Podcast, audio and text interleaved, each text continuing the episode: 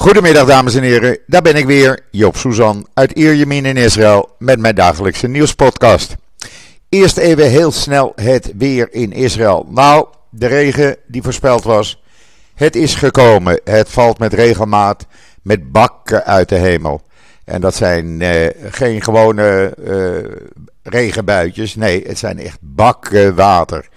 Het is nu even droog op dit moment, maar temperatuur 17 graden. Eh, niet om over naar huis te schrijven, natuurlijk. Maar goed, eh, we moeten het ermee doen. Morgen ook nog regen. En het weekend, vrijdag en zaterdag, zou het dan iets beter weer zijn. Maar we zullen het uh, gaan meemaken, zeg ik dan maar. En dan uh, eerst maar even COVID in Israël. We hebben gisteren 622 nieuwe besmettingen erbij gekregen. er zijn nu in totaal uh, zo een 6.500 mensen besmet met het virus. Uh, alleen, wat opvallend is, er liggen maar 122 mensen in het ziekenhuis. Dat zijn er vier minder dan op dinsdag. Er zijn er nog 84 ernstig ziek, dat zijn er zes minder. En 46 van hen aangesloten aan de beademing. Het uh, aantal mensen wat overleden is, dat staat op 8224. Maar men maakt zich ernstig zorgen om die Omicron-variant. Er zijn weer 22 nieuwe gevallen uh, bijgekomen in Israël. En uh, ja, men gaat ervan uit dat er minstens nog 150 mensen zijn die ook met deze variant besmet zijn. Het grijpt echt wel sneller om zich heen dan de Delta-variant, maar dat was al bekend. Ondertussen is er bekendgemaakt dat er circa 1 miljoen Israëli's uh, het niet nodig vinden zich voor een derde keer te laten vaccineren. Dat zijn veel jongeren, uh, maar ook uh, mensen tussen de 30 en 40. En die zeggen, nou ja, we hebben er twee gehad, we laten het maar zo. men probeert zich nu op die groep te concentreren, want dat moet echt veranderen. Willen we het virus onder de knie krijgen? Ondertussen heeft een uh, Israëlische wetenschapper uh, gezegd dat een uh, duizenden jaren oud Grieks medicijn kan bij ernstige patiënten het risico op overlijden verminderen. in dat medicijn zit safraan. En dat werd al door de Egyptenaren gebruikt, de oude Egyptenaren. het medicijn heet colchicine. En het werd, zoals ik zei, in Egypte al gebruikt. En hij heeft uh, bij een paar duizend patiënten die ernstig ziek waren, dit medicijn uh, toegediend. En de mensen knapten zien er ogen op. Zo zie je maar weer. Uh, wat oud is, zou best ook nu kunnen werken. Ondertussen heeft premier Bennett en zijn hele entourage die met hem in Abu Dhabi waren geweest, een tweede negatieve test gehad. Maar hij uh, houdt zich aan de regels. Hij moet drie dagen in quarantaine blijven en dan weer een uh, negatieve test laten zien. En dat is dus morgen, dan gaat hij uit quarantaine. Hij is wel in de Knesset geweest om mee te stemmen, maar dat heeft hij vanuit een uh, speciale, ja, beschermde gedeelte van de Knesset gedaan. waar hij afgescheiden zat van de overige Knessetleden. Ondertussen is bekend geworden dat in Amerika inmiddels 800.000 mensen aan COVID zijn overleden.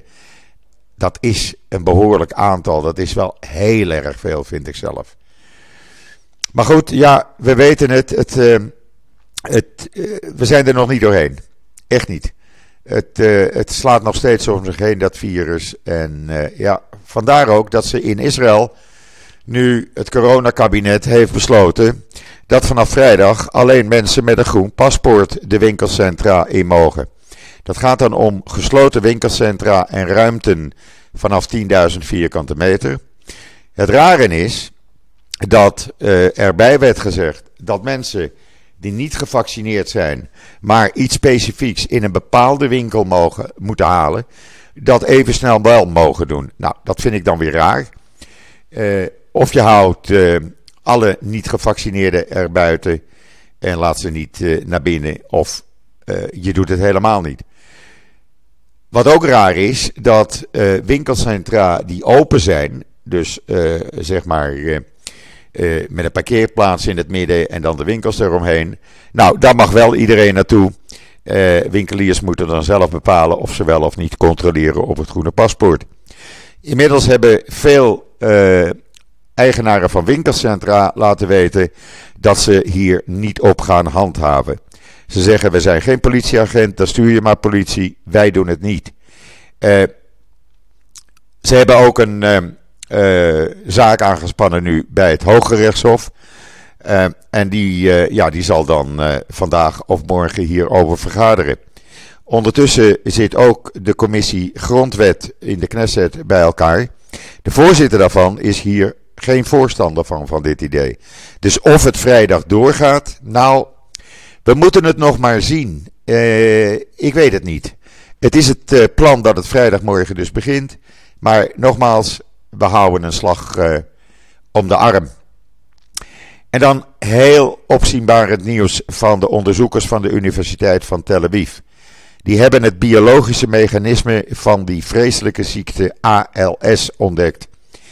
Uh, ALS, u weet wel, als je, daaraan, uh, als je die ziekte krijgt, nou, uh, je bent eigenlijk ten dode opgeschreven en je kan steeds minder totdat de dood erop volgt. Het is een vreselijke ziekte waar veel mensen aan lijden. Uh, doordat ze nu dit hebben onderzocht en dus geïdentificeerd, kunnen ze hier verder mee en kunnen ze ook naar medicijnenontwikkeling toe gaan. Om in ieder geval die ALS-patiënten ermee te helpen, zodat de ziekte niet verder bij uh, patiënten uh, om zich heen slaat. Het is een hele belangrijke ontwikkeling. U kunt het allemaal lezen op israelnieuws.nl. Uh, het hele verhaal van het persbericht wat ik kreeg staat daarin. En dan heeft de Universiteit van, van Tel Aviv heeft ook een centrum voor innovatielaboratoria gelanceerd. Uh, de bedoeling is dat het centrum krachten gaat bundelen om uh, samen met de Israëlische uh, industrie baanbrekend onderzoek te doen waarvan de potentiële toepasbaarheid binnen drie tot zeven jaar werkelijkheid moet worden. dat zijn ja, ze gaan wetenschappelijke en innovatieve oplossingen uh, aandragen voor specifieke behoeften voor de industrie, voor openbare diensten en ziekenhuizen en scholen. En dan een heel mooi bericht. U weet dat we in Israël die organisatie Save a Child's Heart hebben. Die organisatie die helpt kinderen vanuit de hele wereld in uh, het ziekenhuis in Golon. Uh, met hartoperaties, ernstige hartafwijkingen en maakt ze vaak weer beter. En de 600ste uh, eh, patiënt, het 600ste kind, is een Palestijns jongetje geweest, Mazen, die is genezen, heeft een zware hartoperatie achter de rug en hij is nu genezen. Er zijn ook kinderen uit Syrië, Irak, uh, Afrikaanse landen, Libië, heeft, daar zijn ook kinderen uitgekomen. Libanon. Uh, landen waar Israël totaal geen binding mee heeft, die worden daar, de kinderen daarvan worden toch geholpen door die organisatie. En dat allemaal vanuit wat in de Torah geschreven staat. Wie één leven redt, redt de hele wereld. Ik vind dat uh, iets bijzonders. En ja, dan ga ik u een geheimtje vertellen. Uh, een van mijn kleindochters is al een paar maanden in Israël. En die uh, die gaat uh, daar als vrijwilliger aan de, aan de slag binnenkort. Ik geloof volgende week of zo. En dan gaat ze een paar maanden als vrijwilligster daar werken. Nou, ik moet u zeggen, ik ben daar beren trots op. En uh, ja, ik vind dat fantastisch dat ze dat gaat doen. en dan, ja, het rechtssysteem in Israël. Het werkt, zullen we maar zeggen. Want de voormalige minister Kirsenbaum, Fania Kirschenbaum, die was van de partij van Lieberman, Israël Betenu. En die was nogal invloedrijk. Die had behoorlijk wat macht in haar rol in die tijd dat ze minister was een aantal jaren geleden. Maar mevrouw heeft ook uh, voor zichzelf gezorgd en anderen om haar heen. Corruptie, uh, fraude, nou ja, noem het maar op. Voor miljoenen shekels. En ze is vandaag begonnen aan een celstraf van 10 jaar. Ze had nog uh, hoger beroep aangetekend bij het Hoge Rechtshof. Maar die hebben die zaak afgewezen.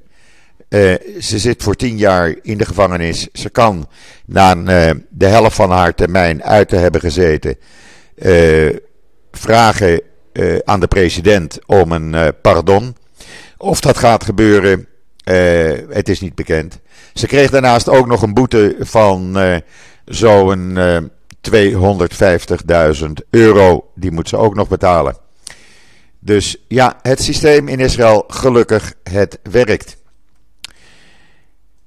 En dan uh, heeft de baas van uh, de IAE, uh, IAEA, je weet wel, de atoomwaakhond, die heeft gezegd dat het nucleaire akkoord uit 2015 niet langer voldoende is voor de huidige realiteit van Iran in dit jaar en de komende jaren.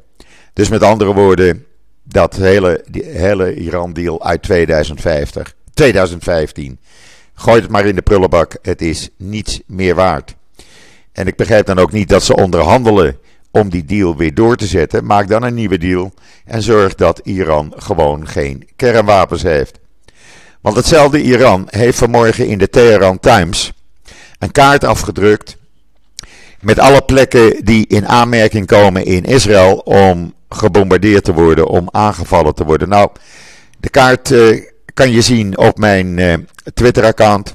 Ik zal hem straks nog even op israelnieuws.nl zetten. Het is bijna heel Israël. Maar wat ook opvallend is, Onder de doelen die ze willen bereiken zijn, uh, zijn ook uh, doelen in de Palestijnse gebieden, heel veel zelfs, en in het zuiden en oosten van Libanon. Of dat nu een dreiging is, of dat het bedoeld wordt als afschrikking van haal het niet in je hoofd om ons aan te vallen. Je weet het niet, maar je moet het in ieder geval wel serieus nemen. En dan, uh, ja, de ontwikkeling gaat heel snel. Want gisteravond maakten de Verenigde Arabische Emiraten bekend dat ze het zat zijn elke keer weer nieuwe eisen op tafel te krijgen in die deal van aankoop voor 23 miljard dollar voor uh, F-35's en nieuwe drones. En Amerika komt elke keer weer met opnieuw, dit moeten we, uh, daar moet je aan voldoen en hier moet je aan voldoen. Toen hebben ze gezegd, weet je wat, we schorten die hele deal gewoon lekker op. Bekijk het maar. Eh, zolang jullie eh, als Amerika eisen blijven stellen, hebben wij geen zin in aankoop meer. Prompt daarop kwam vanmorgen meneer Blinken, u weet wel, de Amerikaanse minister van Buitenlandse Zaken. En die zegt: Ach, dat is helemaal niet nodig om het op te schorten. Wij zijn klaar om die verkoop nu af te handelen. Laten we aan tafel gaan zitten. Ik zit dan wel in India, maar ik ben binnenkort terug in Amerika. En laten we aan tafel gaan zitten en dan uh, komen we daar echt wel uit. Het verhaal vertelt nog niet hoe de Emiraten hierop hebben gereageerd. En dan is er een uh, Amerikaans-Israëlische start-up. En die zegt hersenziektes te kunnen genezen met microrobots. Die zijn kleiner dan een graankorrel. Uh, en zij zeggen: wij werken nu aan projecten met farmaceutische bedrijven. En zodra die microrobot in uh, uh, de hersenen is ingediend, kan hij zijn werk gaan doen. Het hele verhaal stond in de Jeruzalem Post. En wat ook in de Jeruzalem Post stond vanmorgen, dat een uh, Engels conservatief parlementslid heeft gezegd dat in de komende maanden Engeland van plan is wettelijk de BDS te verbieden. Dat betekent dat de BDS een illegale organisatie wordt en daardoor aangepakt kan worden. Het was uh, meneer Robert Jennerik. Hij is lid van de conservatieve partij van Boris Johnson. Hij heeft nogal wat invloed en hij heeft dat niet zomaar gezegd. Uh, hij heeft het ook trouwens gezegd tegen voormalig uh, Labour-parlementslid van Israël, Uh, en Likud parlementslid Avi Dichter. Avi Dichter ken ik. Dat is een voormalig hoofd van de Shin Bet geweest. En hij heeft heel duidelijk tegen Avi Dichter gezet. In de komende maanden zullen we werken aan een verbod op BDS in het Verenigd Koninkrijk. En hij is daar heel zeker van. Nou, laten we kijken of het gaat gebeuren. Dan zou het een ideetje voor Nederland misschien zijn. Alhoewel met, eh, als ik zie hoe de nieuwe regering van Nederland eruit ziet, denk ik niet dat uh, ze voor dit idee voelen. En dan, ja, meneer Biden en de Palestijnen. Nou, hij doet er alles aan om vriendjes met Abbas en die andere Palestijnse leiders te worden. Want de economische dialoog die meneer Trump heeft gestopt, is hij weer gaan opstarten. Ze kunnen binnenkort weer geld krijgen, kunnen hun eigen zakken weer vullen. Want uit een eh, peiling namelijk onder de Palestijnen blijkt dat een overgrote meerderheid van de Palestijnse bevolking denkt dat de corruptie is toegenomen. En dat is zo'n uh, 64%, die, 63% die zegt van wij zijn van mening dat de corruptie onder onze leiders dit jaar alleen maar is toegenomen. En 59% denkt dat de corruptie zal blijven toenemen. Ze vertrouwen hem dan niet, ook niet. Ondertussen is er een analyse verschenen in de Jeruzalem Post. En dat sluit hier mooi bij aan. Uh, en die gaat erover of de Palestijnse leiders hun controle aan het verliezen zijn. Uh, ze zeggen tegen meneer Biden: nee hoor, alles is onder controle. Wij hebben overal uh, zicht op. Maak je geen zorgen. Maar ondertussen nemen de rellen in, uh, tegen Abbas alleen maar toe. Hamas krijgt ook veel meer voet onder de grond daar. In de Palestijnse gebieden. En niet alleen maar in, in Gaza. En ja, het zou best eens kunnen dat mede door die corruptie. men gewoon die Palestijnse leiders zat zijn. En ondertussen, u weet het, ik heb het u gisteren uitgebreid verteld. En ook, u kunt het nog lezen op israelnieuws.nl. Ondertussen hebben de Europese landen, waaronder Nederland als een van de grootste uh, geldgevers, zo'n 1 miljard dollar aan Palestijnse NGO's overgemaakt. Die worden gebruikt voor lastigcampagnes tegen Israël. Maar ook om bijvoorbeeld de zaak bij het internationaal gerechtshof in Den Haag te financieren tegen Israël. Uh, ja, een heleboel van dat geld komt gewoon ook bij de leiders terecht. En daar kan je nu helemaal niks meer aan doen. En dan zijn er drie mensen overgebleven. Uh, en een van die drie, volgens uh, de Israëlische website Ynet, kan uh, antisemiet van het jaar worden. Dat zijn natuurlijk Ben Jerry, de CEO daarvan. Uh, die zit uh, bij die drie. Dat is de voorzitter, mevrouw Mital. Dan de zangeres Dua Lipa. Ik heb er nog nooit van gehoord, maar ze schijnt heel bekend te zijn. En ook die laat zich antisemitisch uit. En dan hebben we natuurlijk dat Republikeinse congreslid, mevrouw Taylor Greene die alleen maar antisemitische opmerkingen en op, uh, anti-Israël opmerkingen maakt. Nou, een van deze drie dames wordt binnenkort de antisemiet van 2021. Ik denk zomaar dat het Ben Jerry gaat worden, maar we zullen het zien. Ik laat het u weten zodra de uitslag bekend is. En dan uh, is er vanmorgen bekend geworden, ja, voor wie het gelooft natuurlijk. Uh, ik persoonlijk, ik zeg u al bij voorbaat, ik geloof het niet.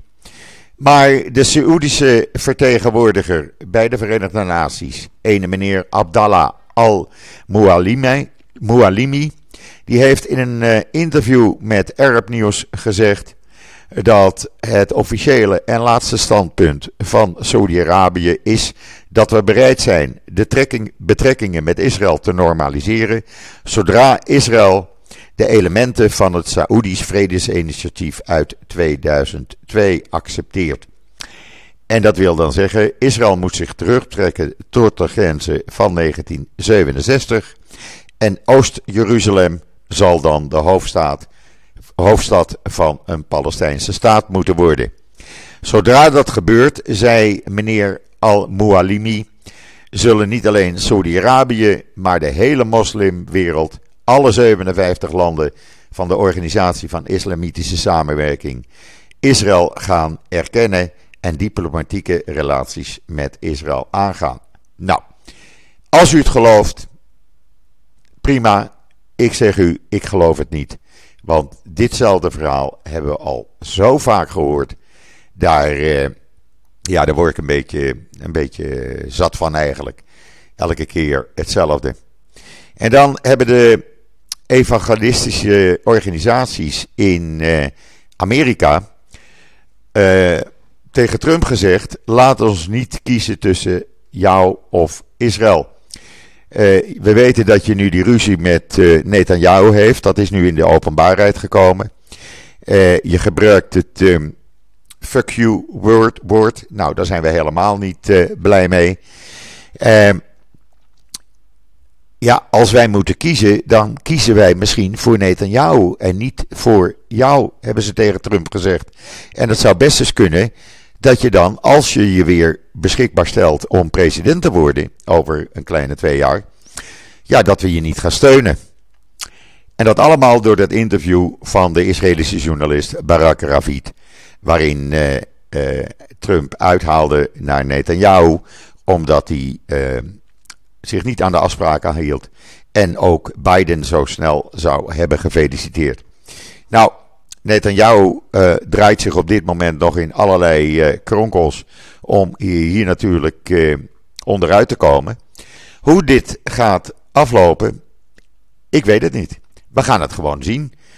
voorlopig is dit een woord-vervolgverhaal. Want nog elke dag worden de nieuwe onthullingen gedaan. Als je het hele verhaal, het hele interview wil horen of wil zien, het staat op de site van axios.com. A-X-I-O-S.com. En dan zoek je even op Trump. En dan vind je alle hoofdstukken uit dat boek online. En dan kan je per hoofdstuk kiezen wat je wil lezen. Ondertussen regent het hier weer. En dan ga ik nog even kijken wat er nog meer voor nieuws is. Ik wens u allemaal nog een hele fijne voortzetting van deze uh, woensdag de 15e december. We zitten twee weken voor het eind van het jaar. Oh ja, nog even dit.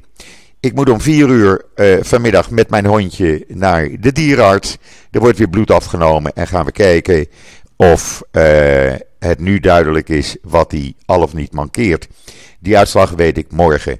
Ik zeg dat even omdat ik zoveel vragen heb gekregen en nog steeds dagelijks krijg van Joop, hoe zit het nou met je hondje? Is er al iets bekend? Vanmiddag dus opnieuw bloed en hopelijk weet ik het morgen. Bedankt lieve mensen voor die steun. Oh ja, en ook nog uh, bedankt.